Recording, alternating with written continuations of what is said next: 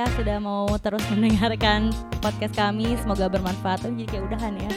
Baru juga dimulai. Sebenarnya mau nanya kabar sih, cuman kalau nanya kabar kan mungkin dijawabnya loading ya. Kalau ketemu langsung aja, tapi mudah-mudahan bisa dijawab masing-masing ya. Apa kabar semuanya? Tetap asik. Semoga masih tetap sehat, tetap bersemangat gitu ya. Apalagi sekarang juga ada berita-berita tentang COVID yang Hmm. lagi juga katanya meningkat lagi gitu maksudnya. Hmm. Dan mungkin juga ada beberapa orang yang mulai akan bergerak lagi setelah sekian lama ya mungkin lebih ya hampir 10 bulan kita bakal kita kemarin udah WFH, udah di rumah aja gitu kan. Hmm. Pengen ada sesuatu yang dikerjain, pengen ada sesuatu yang disampaikan juga. Hmm. Nah, berkaitan dengan ini kita juga pengen ngebahas tentang isu yang paling ngehits ya Apa tuh isunya? beberapa tahun sekarang Sekarang ini beberapa ya. tahun ke belakang dan sampai saat ini gitu Iya ya. betul. Terutama hubungan tentang eh, gerakan keperempuanan yaitu feminisme. Nah, gitu. betul banget.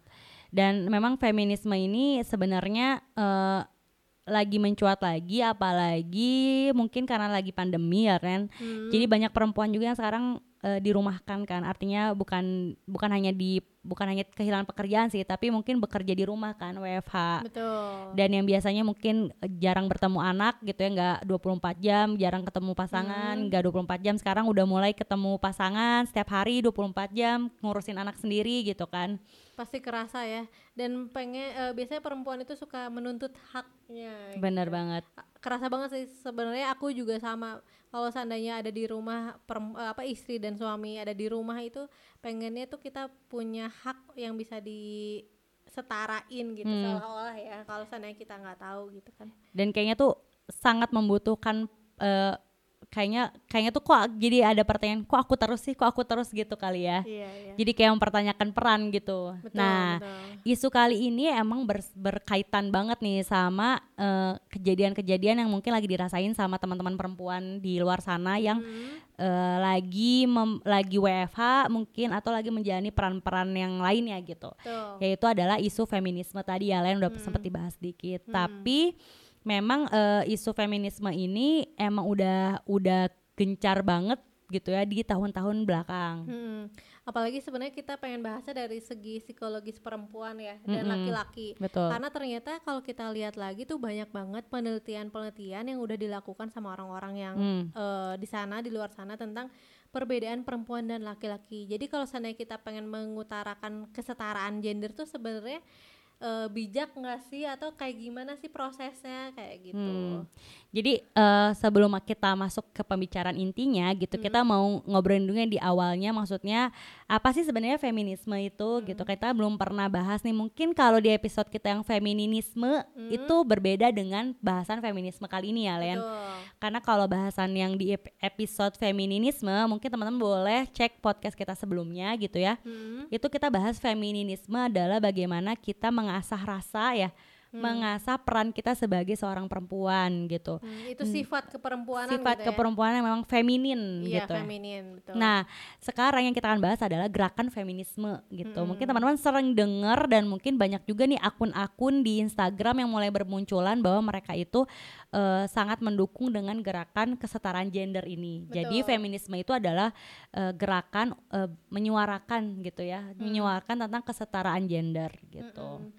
Nah itu kan sebenarnya eh, terjadi di beberapa tahun di eh, ya zaman modern ini. Nah, Tapi Hmm. ternyata ada juga nih di dunia barat yang mulai muncul Hmm. anti feminisme juga. Hmm. Nah ini tuh gerakan di mana karena kejenuhan perempuan yang merasa kalau seandainya kita setara, kita sama sama laki-laki disamain dalam hal tanggung jawab, beban dan segala perannya itu ternyata eh, dirasa nggak nyaman, nggak cukup gitu untuk setara aja tuh nggak cukup. Tapi orang-orang yang anti feminisme itu pengen juga gimana ya cari posisi yang memang sesuai dengan kepribadian dan peran dan karakter si perempuan itu harus berkembang juga gitu tapi tidak dengan setara yang feminisme katakan gitu.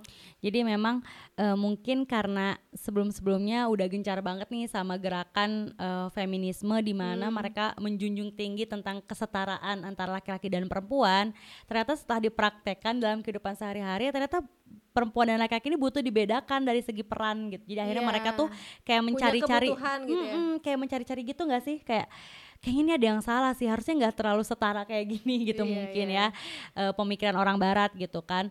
Jadi tapi mereka mungkin kalau di kita sebagai muslim gitu Hmm. sebagai kita orang Indonesia muslim juga gitu kita sering mendengar kata fitrah gitu jadi memang antara laki-laki dan perempuan itu ada fitrah gitu fitrahnya gitu eh, se- di bawah sejak lahir gitu ya Iya. yang Allah ciptakan gitu. Nah, kalau dari dari kalau di barat mungkin nggak nggak tahu tentang fitrah ini gitu ya. Belum belum belum seperti kita yang biasa mendengar kata fitrah. Makanya mereka mencari-cari sebenarnya apa sih yang membedakan wanita dan perempuan eh wanita dan perempuan wanita dan juga pria gitu kan. Iya. Dari segi mana eh, harus dibedakan gitu. Mungkin segi perannya atau dari yang fisiknya dan lain-lain gitu ya sesuai porsinya. Betul dan mungkin eh, kita perjelas lagi sebenarnya kata fitrah itu apa sih? Hmm. Fitrah itu adalah bagaimana eh, si bentuk atau perempuan atau laki-laki itu sebenarnya diciptakan untuk apa sih? Hmm. Dan dikasih modal apa sih sama Allah? Nah, itu yang membuat kita tuh masing-masing punya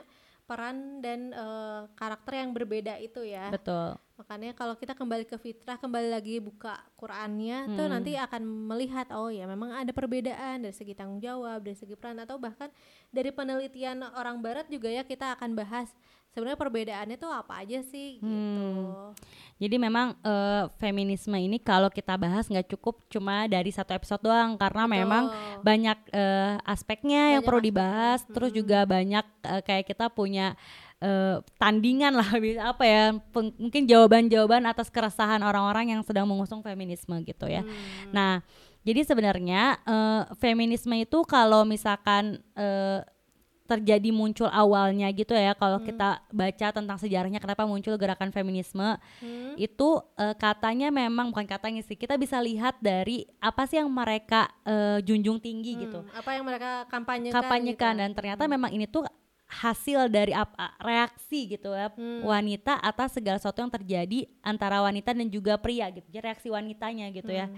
biasanya dan eh, wanita tuh merasa adanya ketidakseimbangan sosial gitu antara wanita at- antara perempuan jadi wanita dan juga pria gitu. Iya, betul. keseimbangannya banyak sih sebenarnya kalau dibahas ya kayak dari sosial peran mungkin dari segi publik atau misalkan dari hal macam-macamnya gitu. Cuman memang paling terlihat adalah ketidakseimbangan sosial gitu. Bahkan ini pen- kita sempat searching ya di Google gitu mungkin teman-teman bisa bang bisa banget untuk searching kalau pengen tahu lebih jauh bagaimana feminisme ini eh, bisa muncul gitu. Hmm, dan ternyata mereka tuh mengutarakan lima prinsip kesetaraan gender Hmm, gitu. apa aja tuh Len Nah, yang pertama adalah memperjuangkan kesetaraan yang tadi ya hak dan kewajiban kesta- harus pengennya setara gitu. betul Terus yang kedua memperluas pilihan individu karena dirasa bahwa perempuan itu punya pilihan yang sedikit dibanding laki-laki yang memang punya pilihan hidup yang lebih banyak. hmm Terus yang ketiga menghapus stratifikasi gender atau eh, jabatan atau posisi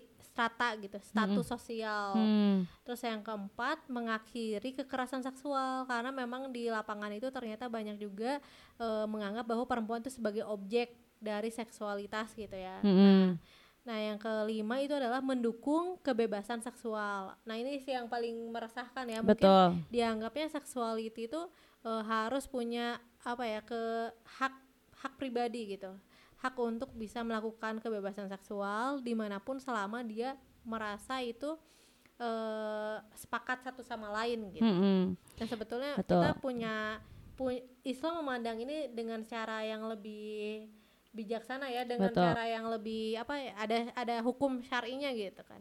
Emang eh, sekarang juga lagi hits banget kan nih kalau dalam mendukung kebebasan seksual ini juga dibalut dengan kata-kata tubuhku eh, milik diri Milikku. milikku Hmm. gitu. Jadi emang di situ kan mereka tagline-nya adalah ya eh, mau punya anak atau nggak punya anak ya gimana aku terus Hmm, juga berhubungan seksual juga harus suka eh, harus sama-sama sepakat yang ya. penting sama-sama suka. Iya, dan itu ada seksual consentnya juga gitu. Mm-mm, jadi emang eh, ini tuh kayak dijunjung tinggi lah sama eh, gerakan feminisme gitu. Kita nggak akan bahas terlalu dalam tentang eh, tentang feminisme di di aspek ini gitu ya tentang munculnya feminisme ini karena feminisme ini kan panjang banget dan kita sebenarnya mau mengcombine dengan penelitian-penelitian yang udah ada di sekitar kita, cuman mungkin kitanya malas baca atau baru tahu gitu ya. Dan ini sebenarnya buku, ya buku. Sebenarnya kita ini udah dapat dari buku-buku dan yang kita udah dapat yang kita udah punya lama tapi kita berbuka lagi ya nggak Hmm, sih Len dan ternyata betul. lengkap banget dibahasnya dari buku-buku yang kita Hmm, baca gitu ternyata memang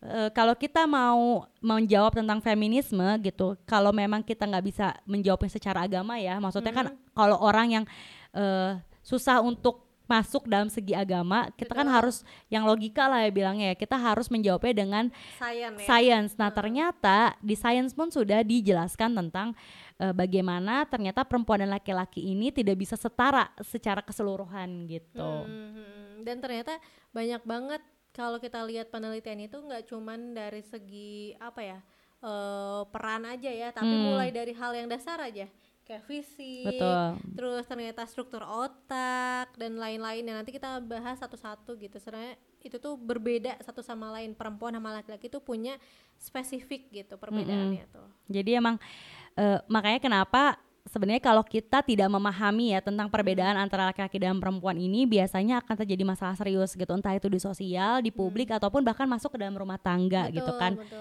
bahkan makan eh, bahkan kita sering menemukan perceraian gitu ya Iya. bagaimana hanya misalkan eh, suaminya tidak menyetujui istrinya misal eh istrinya tidak tidak tidak setuju kalau dia harus menjadi ibu rumah tangga gitu padahal suaminya mungkin menginginkan dia mengurus anak ataupun mengurus rumah itu kan bikin cekcok dan akhirnya bercerai gitu. Jadi perempuan merasa bahwa terkekang dan ngerasa dia harusnya bisa setara zaman zaman zaman sekarang gitu kan bisa eh, potensinya sebanyak-banyaknya atau gimana gitu ya. Nah, ini memang akan menjadi konflik yang luar rumah biasa tangga di ya. rumah tangga gitu. Kalau iya, kalau kita tidak memahami tentang perbedaan itu gitu ya. Hmm, Ya, dan itu kerasa banget ya sama kita. Kalau Hmm. seandainya kita nggak paham bahwa perempuan sama laki-laki beda, itu pasti pengennya apa yang kita pikirkan itu juga dipikirin sama laki-laki gitu. Mm-mm. Atau enggak cara mengelola emosi. Mungkin mengelola emosi laki-laki itu kan lebih apa ya, lebih banyak diemnya gitu.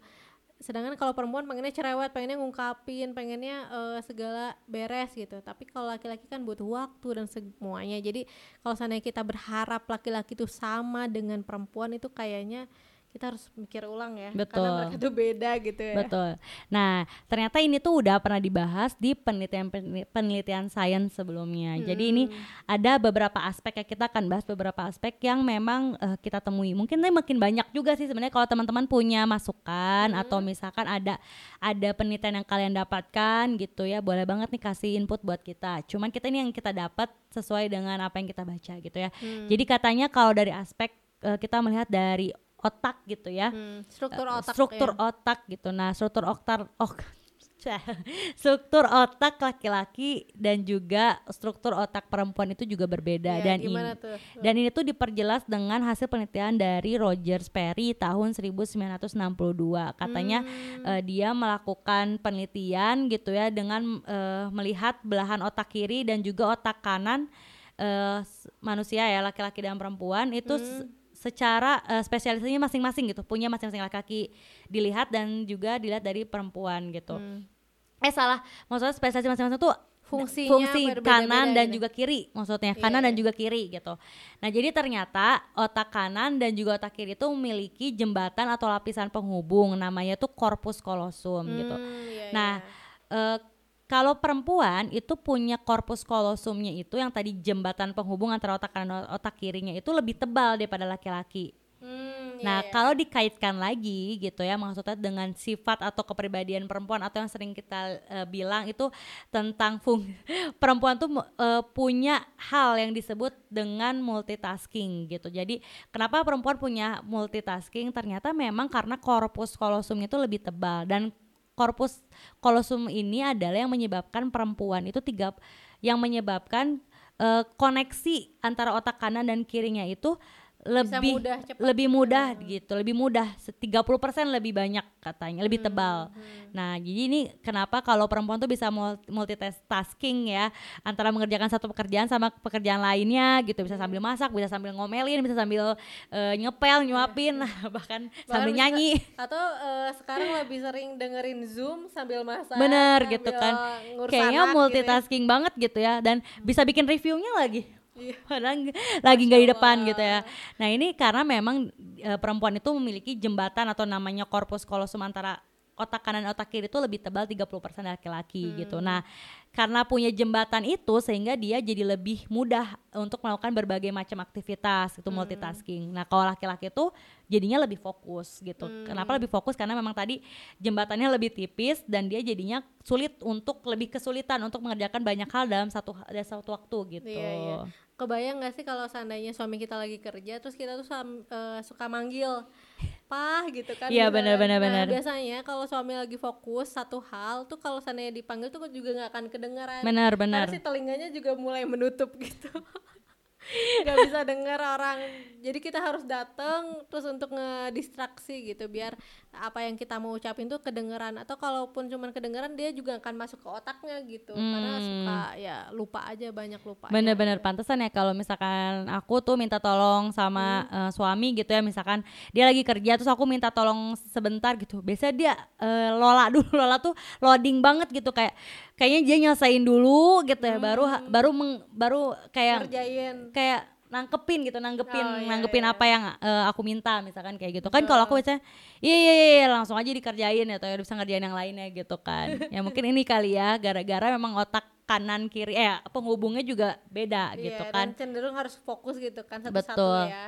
Hmm. Nah, maka itu kenapa memang eh, jadinya gitu perempuan eh, sama laki-laki itu juga bisa dibedakan antara kenapa yang kalau laki-laki itu bisa jadi eh, to the point gitu dan perempuan tuh bisa cerewet banget gitu ya. Hmm. Ini mungkin juga karena memang tadi eh, antara otak kanan dan otak kirinya juga berbeda gitu sih. Makanya perempuan itu punya banyak kenapa bisa cerewet karena memang pikirannya tuh banyak banget gitu Hmm, di kepala semua itu- dikeluarin gitu ya iya, jadinya. jadi apa pindah-pindah gitu misalnya lagi ngomongin belanjaan terus tiba-tiba ngomongin cucian terus tiba-tiba eh, nasehatin anak nah karena terlalu banyak dipikirin pasti yang keluar juga outputnya tuh banyak banget sedangkan kalau laki-laki kan kayak satu persatu mikirin dulu kerjaan mikirin dulu anak terus satu-satu nanti Hmm. yang keluar dari mulutnya juga akan lebih terarah gitu kalau kita Hmm. kan lebih banyak ngomong gitu kan Bener banget. Jadi Hmm. memang memang kenapa makanya kalau anak-anak nih biasanya kalau suruh mengungkapkan apa yang kamu ingat tentang ibu kamu pasti dibilangnya suka ngomel, suka Oh, marah. iya, iya, iya. Tapi jarang ada yang bilang bapak aku suka ngomel atau bapak aku suka marah. karena bapak itu baik Karena bapak itu dianggapnya baik banget gitu kan, gak pernah ngomel, gak pernah marah-marah gitu. Padahal memang inilah perbedaannya anakku sayang gitu ya. dan ibu tuh sebenarnya bukan ngomel tapi ngomongnya cepet banget Iya. jadi satu kali Terus satu menit tuh banyak Gak gitu. cuma satu satu poin gitu. Jadi misalkan pengen ngasih taunya apa tapi semua dibawa gitu. Jadi kesannya kan kayak nyerocos banget gitu Bener, ya bener, gitu say. Jadi anak-anakku sayang mau nih ya perhatikan kalian harus belajar sains gitu. Jadi bukan bukan Adinda ingin marah-marah ya, tapi ini karena fungsinya aja berbeda, fungsi otak kami gitu ya. Oke, lanjut. Jadi setelah the point versus juga cerewet nih gitu. Dan ini juga masuk nih kalau otak biasanya jadi bawaannya Nah, sering kita dengar kalau laki-laki itu kalau mikir pakai logika. Nah, kalau misalkan oh kalau kalau mau memutuskan sesuatu biasanya pakai logika. Kalau perempuan itu lebih emosi atau ke lebih emosional atau lebih ke perasaan. Hmm, karena memang bener perempuan itu kan dibilangnya makhluk emosional banget ya. Jadi ketika Hmm. kita mau memutuskan sesuatu tuh jangan sampai lagi emosinya tinggi, tensinya lagi tinggi. Nah, kita memutuskan untuk memutuskan sesuatu. Ini juga terkait sama kenapa peruba- eh, perceraian itu talaknya ada di tangan laki-laki. Hmm, Karena kalau perempuan yang megang talaknya itu udah pasti perempuan tuh cepet banget ngomong berkali-kali "Hmm, enggak aku mau pisah aja gitu aku mau nalak aja gitu Iya. pengennya semudah itu ya guys. tapi kalau laki-laki tuh kadang eh, nggak kepikiran gitu bahkan dia tuh diam dulu Ja- dan jarang kalau seandainya laki-laki ngomong talak tuh berarti dia pertanda sesuatu kan Hmm, berarti emang udah sampai titik itu adalah mungkin solusi yang sebaik-baiknya gitu. Karena Betul. merenung dulu atau dipikirkan gi- dulu gitu biasanya. nah iya jadi tadi tadi fungsi otak ya Len. Iya fungsi otak yang perempuan itu lebih banyak lebih rumit gitu ya Hmm. lebih emosional lebih banyak eh, pemikiran sehingga cerewet nah kalau laki-laki itu lebih ke logika dan jadinya lebih fokus ya Mm-mm. poin-poin tertentu. Betul. Nah terus yang selanjutnya adalah dari segi eh, fisik nih. Hmm, ternyata fisik. fisiknya hmm. sebenarnya ternyata ada juga penelitian dari Bri Brizendin tahun 2018 ya? Eh 2010 hmm, katanya dari segi mata nih matanya aja kita tuh dibentuk sama Allahnya itu beda gitu penciptaannya Hmm, jadi kalau laki-laki itu punya retina yang lebih tebal yang lebih besar Hmm. daripada perempuan. Gitu toh. Hmm. Dan kebayang banget kalau retina itu kan sebenarnya itu eh, tempat menyerap cahaya, jadi menyim- mengambil stimulus cahaya untuk di ke dalam otak gitu, Hmm. untuk disampaikan informasinya ke dalam otak. Jadi kalau seandainya kita bilang "Eh, itu kayaknya orangnya eh, nggak baik deh, misalkan perempuan punya persepsi tentang sesuatu, tapi kalau laki-laki mungkin punya persepsi yang lain karena dia tuh lebih banyak stimulusnya dan lebih menyerap ke dalam informasinya tuh ke dalam otak. Jadi Nah, karena kita juga banyak informasi itu disebabkan oleh persepsi kita, jadi persepsi laki-laki dan persepsi perempuan tuh kadang-kadang berbeda gitu, punya sudut pandang yang berbeda Hmm. gitu tentang dunia. Makanya eh, biasanya kalau misalkan yang kalau kita lihat ya kayak soal eh, cantik, kenapa relatif? Mungkin karena itu juga kali ya. Misalkan itu kan bisa juga kan dari sudut pandang yang berbeda kan. Kalau Oh, laki-laki memandang cantik iya, tuh iya, kayak iya. apa? Kalau perempuan nggak memandang cantik kayak apa gitu kan. Iya, bisa jadi bisa jadi kan karena memang ternyata Allah membentuk retina matanya aja tuh udah berbeda-beda gitu kan maksudnya berbeda antara laki-laki dan juga eh, perempuan, gitu ya Iya, benar. Dan selain eh, retina ternyata eh, Brizendin juga melakukan eh, ini ya eh, penelitian terhadap eh, kemampuan mendengar ya Len Wow, gimana tuh? lo? Berarti tadi mata ya, Ya, Tata, telinga ya. sekarang tuh kemampuan mendengar. Jadi katanya kalau eh, kemampuan mendengarnya perempuan tuh lebih baik di- daripada laki-laki. Tepuk tangan barudak yang perempuan. ini ini ada ada positifnya juga ya ter, eh, ada tapi nggak tahu nih ada negatifnya atau enggak ya. Yang penting eh, kita tahu bahwa ternyata kemampuan mendengar kita nih sebagai perempuan tuh lebih baik daripada laki-laki. Pantesan ya Len, kita hadir nih buat teman-teman sebagai pendengar. Karena kalau misalkan perempuan itu eh, selain juga cerewet tadi kan, butuh teman cerita, butuh cerita, butuh ngomong, ternyata butuh didengar juga Iya, gitu. iya. Dan biasanya yang Dan pintar pengen- mendengar tuh ya iya perempuan, ya jadi butuh pendengar, butuh didengerin dan butuh jadi pendengar juga gitu. Iya iya. Dan kebayang kalau seandainya eh, kit positif istri itu jadi positif suami gitu ya kan. suami yang mendengar-dengar cerita dari eh perempuan atau laki-laki yang lain tuh pasti kan mereka kayak bosan Iya, bener apa banget. sih gitu. Cuman masalah ini doang gitu kan. karena gini uh, jadi pernah uh, waktu itu suami gitu ya Hmm. aku aku berusaha cerita tapi ternyata aku lupa kalau aku udah pernah nyeritain itu sebelumnya jadi terkesan ber- berulang-ulang menceritakan padahal pa- emang momennya berulang tapi Iya, aku iya. pengen aja cerita lagi Iya, gitu iya. ya Nah, terus laki-laki tuh pasti suami aku tuh bilang kayak gini, ya tuh pasti bukannya udah diceritain ya, kan gendok ya, itu kan pengen aja cerita emang nggak boleh ya. Jadi ngerasa pendengarnya udah yang yang penting-penting aja gitu bawaan itu kayak itu kalau udah diceritain gak usah diceritain lagi gitu ya. Terus akhirnya aku bilang gitu, yang penting didengerin, gak perlu dikomentarin gitu. Terus jadi sampai sekarang kalau aku cerita mau berulang-ulang mau setiap hari diceritain dia coba bilang oh gitu. Yang kayak kemarin itu ya? Oh gitu. Kayak yang kayak kemarin itu ya? Jadi diulang-ulang kayak gitu. Aku bilang iya yang kayak kemarin. Jadi memang ternyata kalau laki-laki tuh agak-agak ini kalau dia men- jadi kalau dia mendengar sesuatu yang berulang-ulang juga agak risih mungkin, ya. Mungkin. kalau kita mah nyaman-nyaman aja ya kalau ngedengerin sama tuh bahkan kita tam- tambelin ya apa namanya tuh kalau perempuan tuh kita Um, eh, ngasih ini gitu tanggapan tanggapan yang, juga eh, gitu. Iya iya masa sih pasti kayak gitu gitu ya. nah jadi karena memang struktur otak di bagian bahasa dan pendengaran itu menunjukkan perempuan memiliki neuron 11% lebih banyak dibanding Iya. laki-laki. Makanya ma- eh, tadi ya apa kayak bagian bahasa kita struktur di otak bagian bahasa itu kita makin lebih banyak nah benar berhubungan juga Benar, sama struktur bahasa kita dalam Hmm. berbicara kan biasanya kalau perempuan tuh kayak punya banyak kosakata Benar. punya banyak benar banget terus dalam mengerangkai kalimat tuh panjang banget makanya sering disebut kalau anak-anak belajar bahasa tuh bilangnya bahasa ibu Iya, Gak pernah bukan bilang bahasa bapak, Ya, benar-benar. makanya karena memang ternyata seperti itu adanya guys ya bersyukurlah jadi perempuan ya alhamdulillah ya. Alhamdulillah ya. Ternyata kita lebih gago ngomongnya. Jadi kalau buat teman-teman yang pendiam, ternyata teman-teman itu jago juga kalau disuruh ngomong. harusnya Harusnya karena ternyata mungkin dari ada segi ada struktur ada otak yang tergurus juga kalau seandainya Nah, memang kurang gitu itu ya lain cerita ya nanti kita bahas ya Len. Iya, kalau iya. panjang. Nanti Leni pasti pengen ngomong sesuatu nih soal itu karena memang banyak juga nih yang curhat teman-teman positif istri tentang bagaimana dia tidak bisa bercerita. Iya benar Betul kan? karena nanti juga bercerita tuh pe- penting banget buat apa pengasuhan anak betul ya. betul nah selanjutnya Len tadi kan kita udah bahas otak terus kita udah bahas fisik kita fisik tuh dilihat dari mata pendengaran lalu kita juga akan membahas dari sudut apa lagi Otot dan lemak. otot terus aku gini-gini padahal nggak ada juga ototnya. Ini malah lemak semua kan gini, ini tuh harusnya otot, tapi kita punya lemak. Gak ini ini otot hanya tumbuhnya ke bawah jadinya gelambir gitu kan.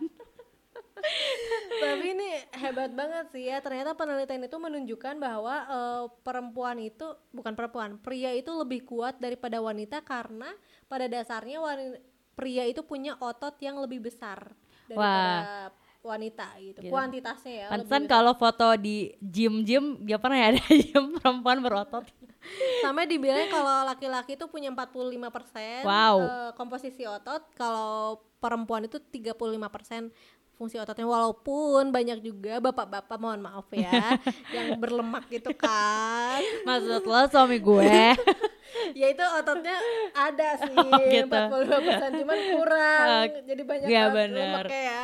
Bapak saya juga sama. dan ternyata memang bapak-bapak yang sudah menikah rata mengembang lebih baik gitu ya.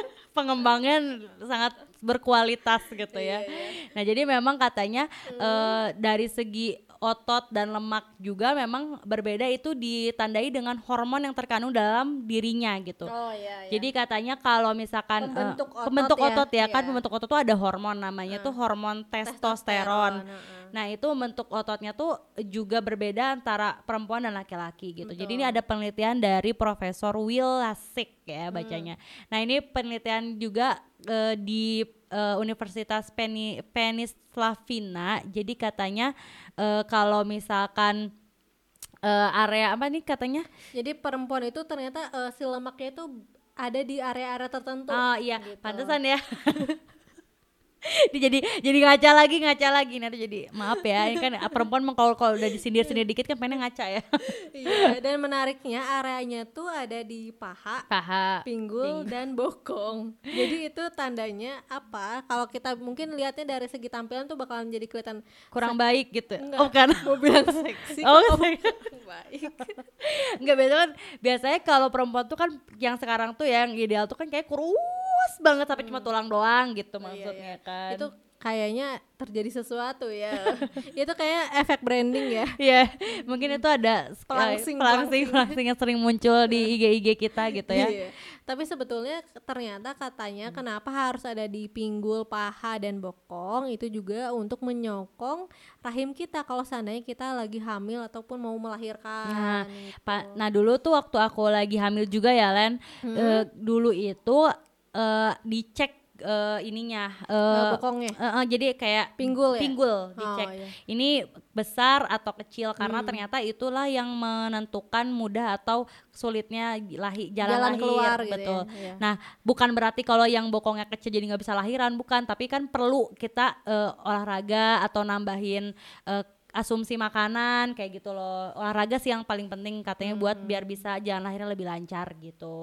Nah itu memang ternyata ya, masya Allah ya Allah tuh udah menciptakan gitu ya sebaik-baiknya jenis, eh, bukan sebaik-baiknya tubuh kita Iya, ini bahkan penciptaan ya, penciptaan dari perempuan. lemak dan lemak-lemak area yang tertentu aja tuh bisa bikin manusia lainnya lahir dengan Betul, sangat baik Masya gitu Allah ya, ya, masya Allah Allah banget, merinding gitu ya.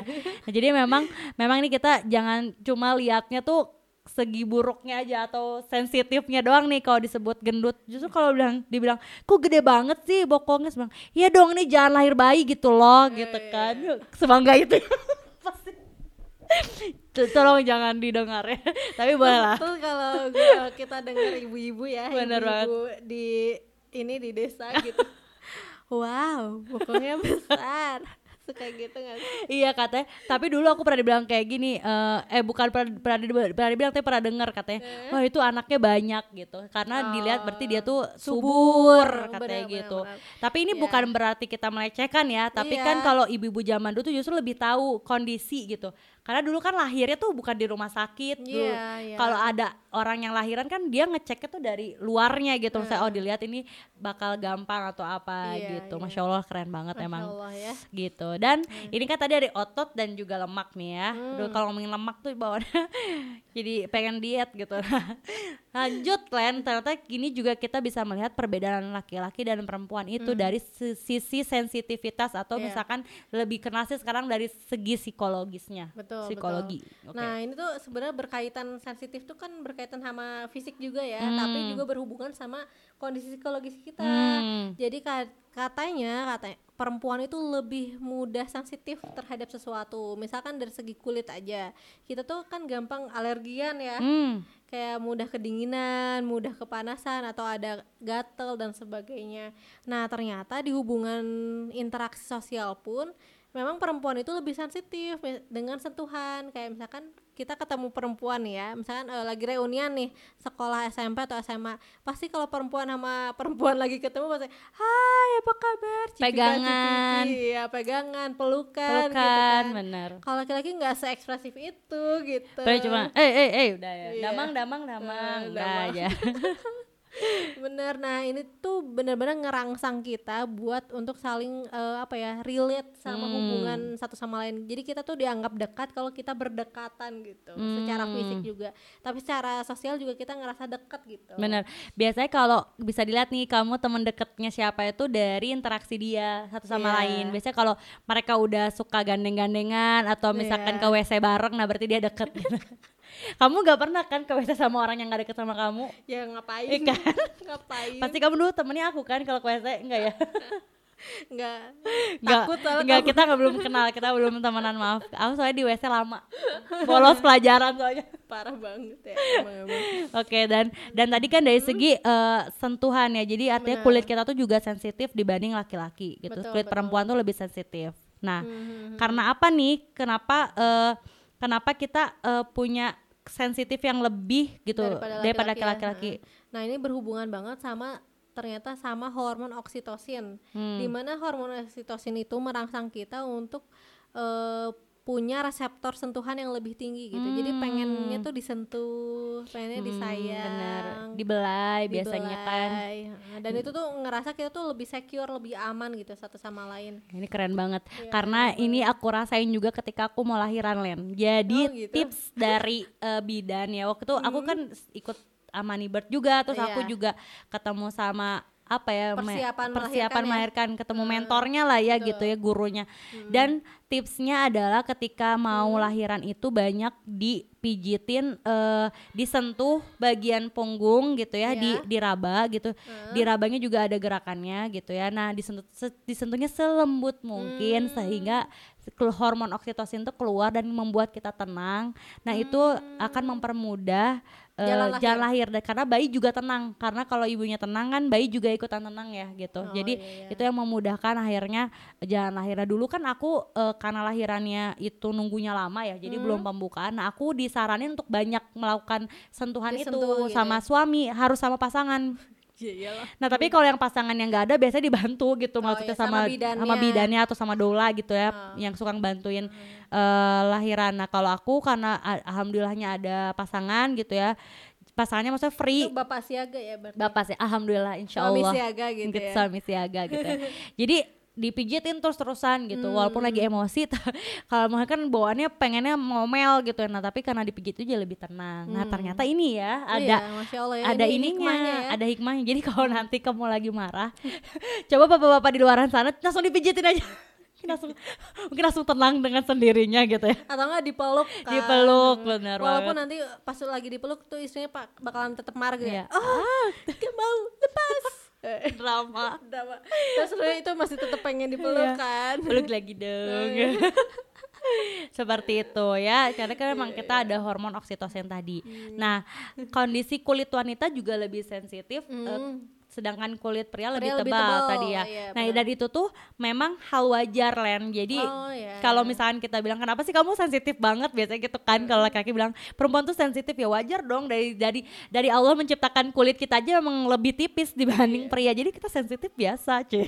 Nah, tapi bukan itu yang dibahas ya, tapi karena Hmm. kenapa makanya perempuan tuh seneng banget rangkul-rangkulan. Jadi Oh, keba- kalau yang iya. mungkin yang udah nikah ngerasain ya kalau sama suami tuh kayak suka gelayotan gitu. Bahasa gelayotan tuh kayak eh, ngerangkul, Manja-manja gitu ya? manja-manja gitu, Terus kadang suka meluk tiba-tiba gitu kan. Iya, iya. Kamu mel- ya? Iya, aku tuh ti- karena terus kalau ka- sekarang ada Safia juga ke Safia kayak gitu. Oh iya, iya. Kayak karena uh, emang emang ini emang ini aja gitu emang tipe aku. Nah dulu sebelum nikah pun aku ke temen kayak gitu soalnya. Oh, Tapi teman iya, iya. perempuan ya, Hmm, teman perempuan tuh kamu kalau ketemu laki-laki dicoret enggak orang-orang shock kayak ini ngapain sih Lulu gitu.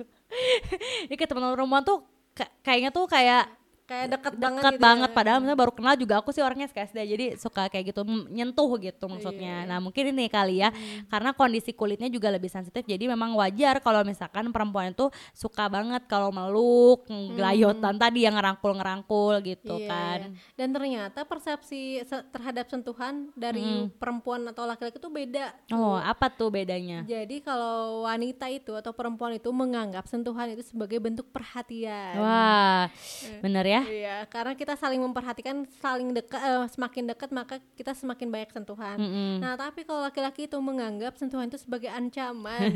Tapi kalau sama laki-laki lain kan? iya, masa di masa disentuh sama pro- sama, sama istrinya terus bilang kamu adalah ancamanku. Oh, enggak lah. Enggak kan? Maksudnya lelaki sama laki-laki, Iya, perempuan sama sama perempuan.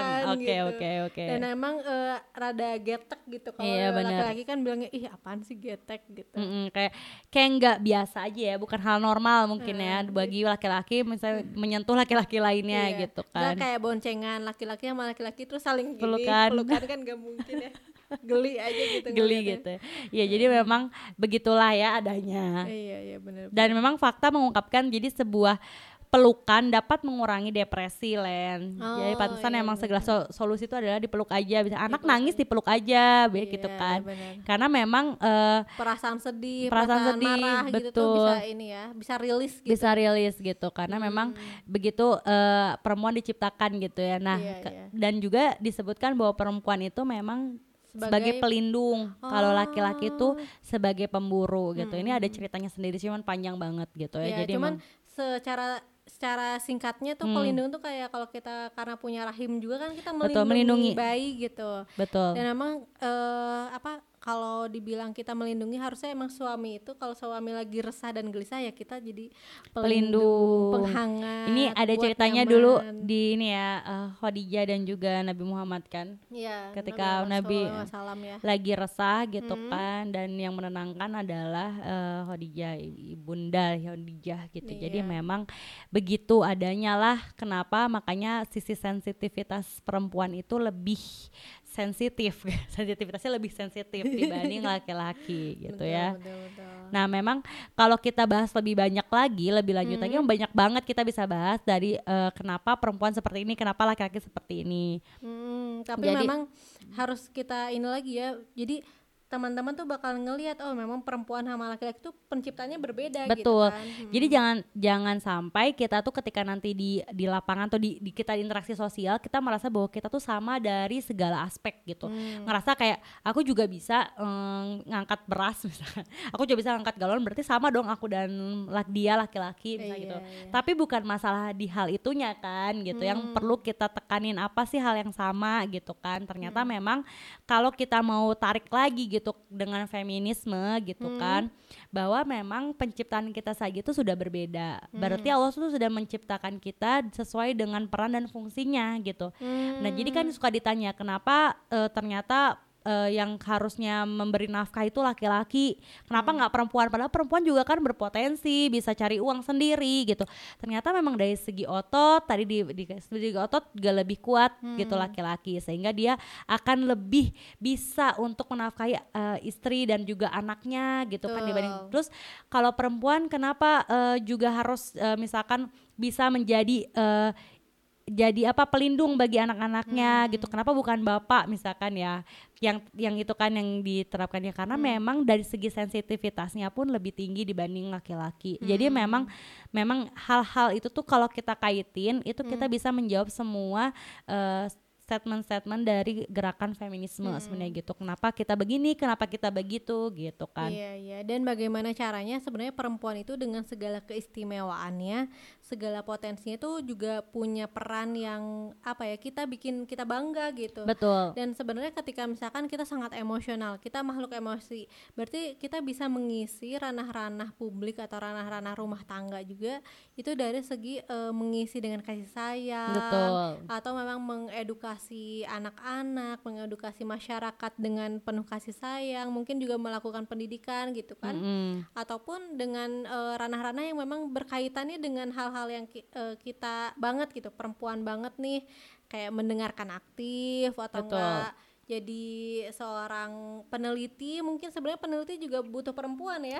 Ya, semua sebenarnya semua bidang juga Butuh, butuh namanya perempuan, perempuan, tapi ha. mungkin eh, kapasitasnya di tempat ranah yang berbeda mungkin ya gitu. Dan sesuai dengan porsinya aja sih sebenarnya gitu kan gitu.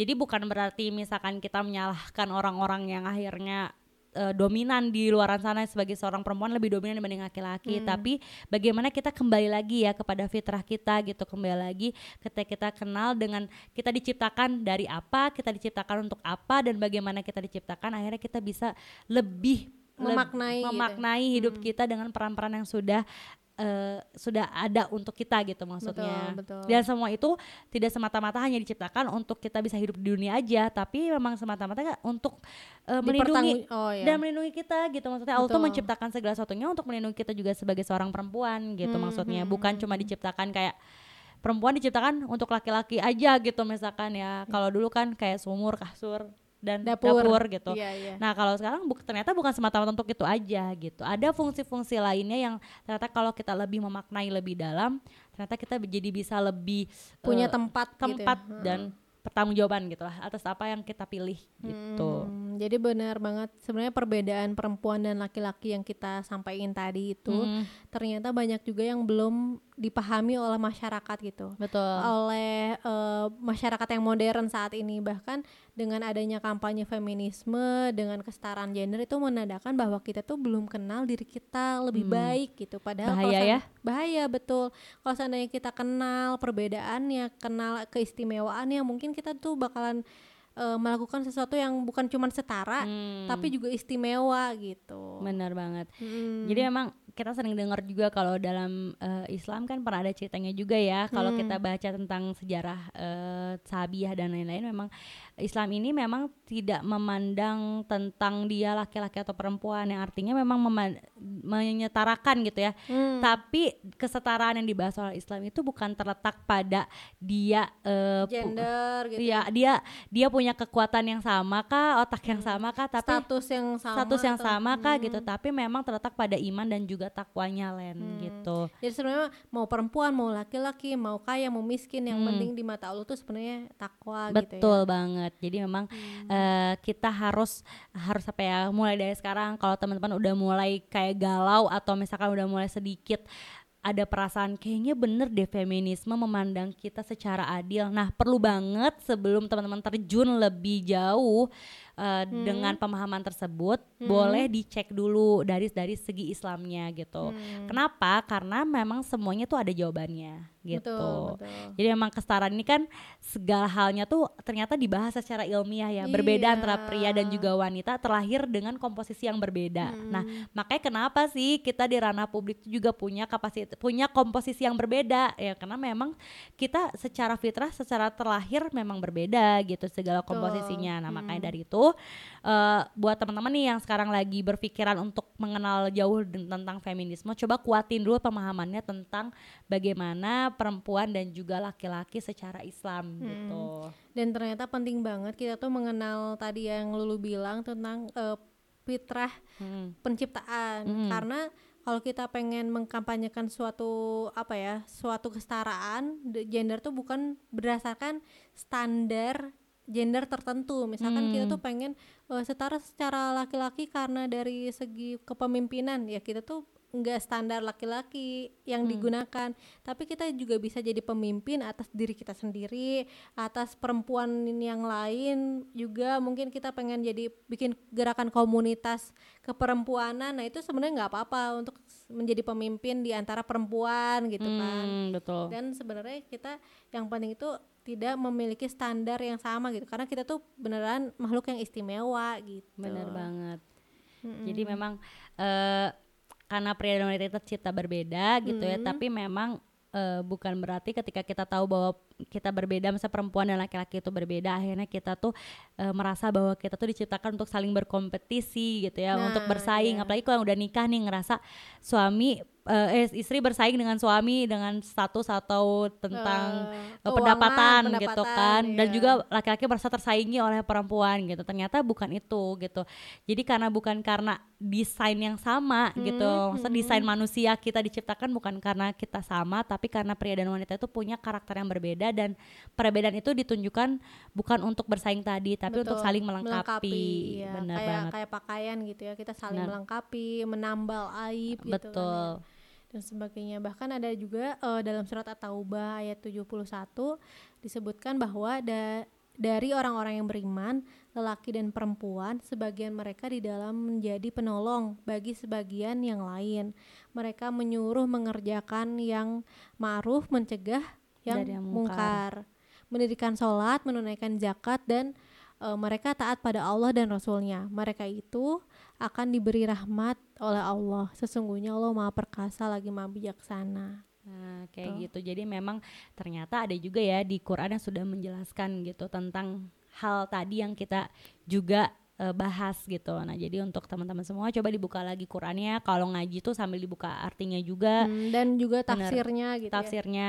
Jadi Hmm. eh, jangan lupa untuk belajar terus gitu. Jangan Iya. cuma percaya dengan satu hal tapi kita malas untuk belajar hal yang lainnya gitu kan karena memang ternyata semuanya sudah dijawab dalam Islam gitu Hmm. ya. dan laki-laki perempuan itu saling menolong Betul. gitu ya karena memang siapa la- kalau kita eh, tidak kalau kita merasa tidak Hmm. butuh laki-laki ya pada kenyataannya memang kita juga butuh laki-laki laki-laki Iya, pun butuh begitu juga perempuan butuh banget perempuan Hmm. memang kita diciptakan untuk saling tolong menolong kita Saling juga melengkapi. saling melengkapi gitu Hmm. jadi jangan sampai ada pemikiran bahwa eh, kita hidup masing-masing perempuan-perempuan laki-laki laki gitu ya jangan sampai punya pikiran seperti itu gitu ya Len betul, betul. Mungkin itulah bahasan kita hari ini tentang feminisme dan juga tentang bagaimana kita mengenal laki-laki dan juga perempuan, Perempuan. gitu ya dari Hmm. berbagai aspek dan mudah-mudahan sharing kali ini bermanfaat dan juga bisa kalian share ke teman-teman yang lain. Hmm. Kalau ada masukan, kalau ada eh, tambahan dari materi yang kita sampaikan, boleh banget teman-teman DM di positif istri bisa juga email di positivistry@gmail.com bisa juga ke @luluazahra atau ke Leni Naziza. Nah kalau kayak gitu mudah-mudahan kita bisa sharing yang lebih lebih lagi ya di lain waktu. Selamat mendengarkan juga podcast kita yang lain. Sekian dari kami Assalamualaikum warahmatullahi wabarakatuh.